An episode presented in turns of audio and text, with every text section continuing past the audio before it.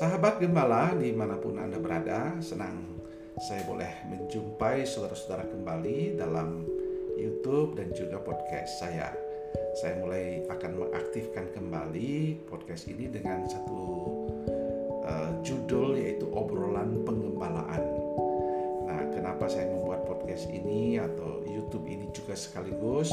Karena saya merasa ada kebutuhan besar untuk para gembala dalam mereka mempersiapkan diri dalam pelayanan ataupun yang sudah lama masuk ke dunia pengembalaan. Karena saya percaya bahwa uh, pelayanan ini cukup berat padahal pelayanan ini sangat mulia sekali. Oleh sebab itu, saya akan membuat seri-seri tentang pengembalaan, isu-isu yang muncul dan juga hal-hal yang saya dapat dari buku-buku yang saya baca, jurnal-jurnal, hasil penelitian maupun pengalaman di dalam berjumpa dengan para gembala dan bagaimana e, mengembangkan pelayanan gembala itu lebih efektif lagi. Karena kita tahu bahwa gembala adalah mereka yang ada di ujung tombak pelayanan, mereka yang langsung berhadapan dengan jemaat dengan segala kebutuhan dan dimensinya dalam pelayanan sehingga membutuhkan kesiapan seorang gembala dalam pelayanannya. Dan saya sungguh mengapresiasi para gembala yang begitu luar biasa berdedikasi bukan hanya di kota-kota bahkan mereka rela pelayanan di desa-desa bahkan sampai ke pedalaman-pedalaman. Itulah yang menjadi panggilan saya untuk bersama-sama para gembala meningkatkan diri kita bersama-sama dalam bidang kepemimpinan gembala yang menjadi passion dan panggilan saya dan juga menjadi ekspertis saya atau keahlian saya di bidang kepemimpinan gereja. Namun saya mengkhususkan perhatian saya kepada kepemimpinan gembala dan podcast dan YouTube ini berfokus kepada obrolan pengembalaan. Nah, eh, bagi mereka yang akan terjun ke pengembalaan, pertanyaan yang sering diajukan kepada saya adalah apa yang menjadi kriteria utama untuk bisa menjadi gembala yang baik? Nah, bagi saudara yang sudah terjun di pengembalaan dan juga saya sudah juga berpengalaman dalam terjun di pengembalaan, maka yang pertama dan yang terutama adalah panggilan. Kita ingat ya, kita ingat bahwa uh, waktu kita um, menjadi orang percaya, kita sebenarnya sudah menerima yang disebut general calling atau uh, panggilan umum, di mana kita uh, mendapatkan perintah dari Tuhan untuk melayani. Tentu melayani sesuai dengan karunia talenta yang Tuhan berikan kepada kita. Tetapi setelah dalam perjalanan kita, tentu kita akan mendapat juga namanya special calling, panggilan khusus. Dan setiap orang yang masuk STT tentu akan atau sekolah teologi tentu akan memiliki panggilan yang berbeda-beda sesuai dengan apa yang Tuhan taruh di hati mereka. Ada yang menjadi penginjil, ada yang menjadi guru agama, ada yang terjun mungkin di pelayanan-pelayanan sosial, dan seterusnya. Tapi ada yang khusus yang perlu juga mendapat panggilan spesial yaitu ketika seseorang itu dipanggil menjadi gembala. Karena apa?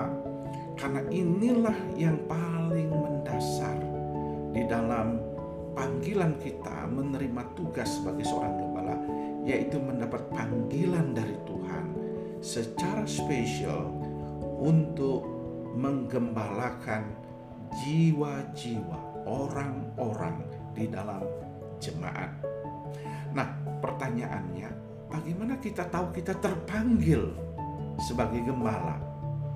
Maka seorang hamba Tuhan yang sangat terkenal di Amerika bernama John Piper mengatakan bahwa panggilan itu secara sederhana dapat dikatakan adalah sebuah suatu beban dan kerinduan yang mendalam yang Tuhan taruh di hati kita. Tetapi kata John Piper, perlu panggilan itu bersifat menetap. Bukan hanya emosional, hari ini terasanya seperti ingin mengembalakan, besok tidak ada lagi keinginan itu, kerinduan itu atau beban itu. Tapi keinginan itu menetap katanya. Bahkan menurut John Piper, bertumbuh semakin dalam akan kerinduan untuk melayani. Terutama ketika melayani orang-orang di dalam lewat gereja lokal. Nah, itulah yang yang perlu dimiliki. Kenapa, Saudara? Karena dengan panggilan itu, kerinduan yang dalam dan beban yang mendalam itu di hati kita, kita akan mampu menghadapi pelayanan pengembalaan ini berapapun harga yang harus dibayarnya. Karena tanpa panggilan kita akan menjadikan itu hanya sekedar profesi.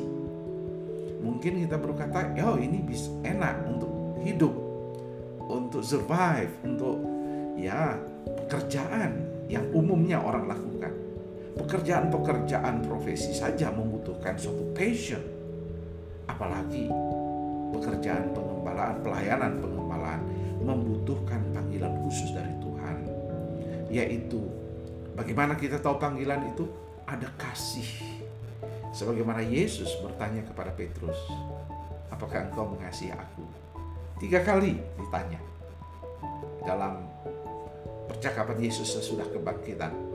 Dan tiga kali Yesus, eh, Petrus mengatakan, aku mengasihi engkau. Dan di situ baru Tuhan memberikan mandat, gembalakanlah domba-domba jadi panggilan kerinduan itu menyebabkan kita mengasihi Kristus. Dan ketika kita mengasihi Kristus dan berkata iya, kita akan mengasihi jiwa-jiwa. Jadi seorang gembala harus punya kasih terhadap orang-orang yang kita layani. Tanpa itu, kita tidak qualified menjadi gembala. Hal yang penting dari panggilan itu adalah yang berikutnya adalah apakah orang bisa melihat ada karunia-karunia itu dan mengkonfirmasi karunia itu kepada kita. Jadi, ketika saudara mulai misalnya praktek di pelayanan, kemudian saudara mungkin baru tamat STT, saudara membantu menjadi seorang asisten gembala atau membantu pelayanan. Lalu ada orang-orang di gereja atau tua-tua, senior-senior dan mengatakan mengkonfirmasi saudara bahwa saudara memiliki karunia gembala. Dan kalau itu ada, saya tahu dan saya yakin Tuhan sedang menuntun saudara menjadi seorang gembala. Jadi ada kerinduan yang dalam sekali dan menetap dan konsisten. Lalu orang meneguhkan itu dalam kehidupan saudara dan melihat buah-buahnya dan saudara sendiri semakin hari semakin bertumbuh di dalam pelayanan pengembalaan itu. Jadi, ketika saya mengatakan apa kriteria pertama dan utama ketika kita masuk terjun ke pengembalaan, ingat pentingnya pengembalaan. Karena dunia pengembalaan saudara-saudara sangat berat. Demands, keinginan jemaat itu terlalu kompleks dan terlalu luas. Dan kalau kita tidak ada panggilan, saudara-saudara, kita akan mudah menyerah. Kita akan mudah kalah. Dan akhirnya kita hurt, terluka, bahkan tidak sedikit gembala-gembala yang mengalami kepahitan di dalam pelayanan. Nah sekalipun dia terpanggil, bisa tetap mengalami kepahitan.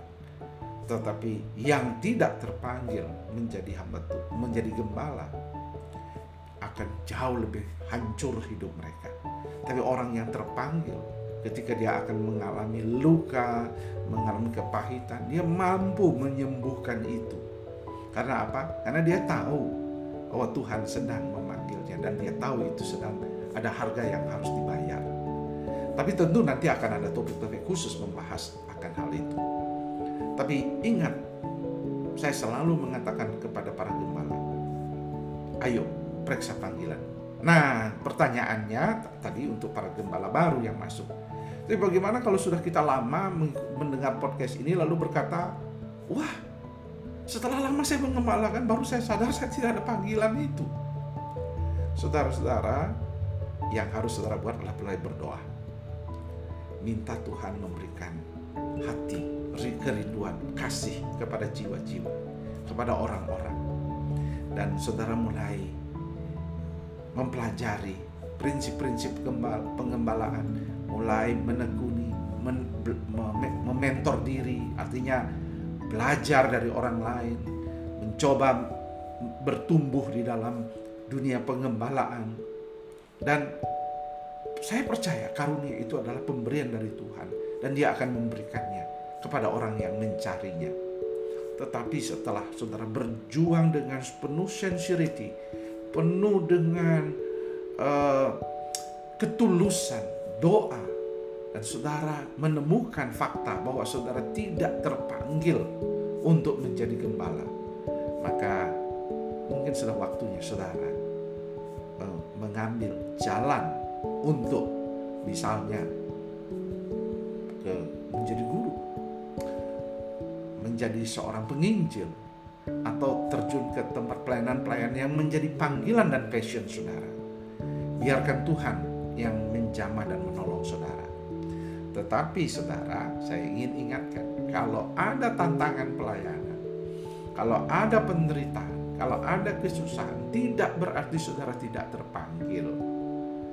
Tidak mendapat panggilan pelayanan, tidak qualified menjadi gembala karena di dalam pelayanan itu selalu ada seasonnya, selalu ada musimnya. Ada musim-musim yang sangat berat dalam pelayanan. Musim-musim di mana orang-orang yang kita layani terlalu keras dan terlalu berat. Jadi jangan pernah menyerah. Jangan lalu blame atau menyalahkan, mengkambing hitamkan panggilan dan mengatakan oh saya tidak ada karunia pengembalaan. Tuhan rasanya tidak memanggil saya. Jangan mudah menyerah seperti itu. Itu tidak saya maksudkan dalam ini tetapi kita tetap harus mulai memeriksa itu dan mulai meminta saran dan nasihat. Jangan biarkan diri kita masuk ke dalam dunia pengembalaan sedangkan kita memang tidak terpanggil di situ. Jangan membuat diri saudara menderita, jangan membuat jemaat yang dilayani menderita karena kehadiran saudara-saudara. Tetapi kesusahan, tantangan, respon yang negatif tidak berarti saudara tidak punya karunia pengembalaan. Mungkin saudara memerlukan langkah-langkah berikutnya yang kita akan bahas nanti dalam obrolan pengembalaan selanjutnya.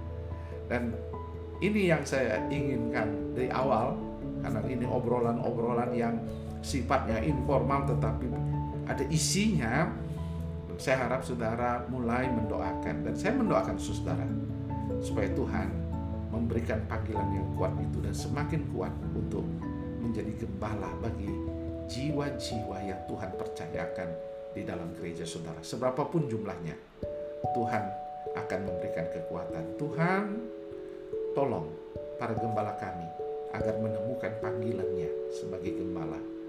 Dan biarlah Tuhan akan memberikan kekuatan. Demi Kristus. Amin.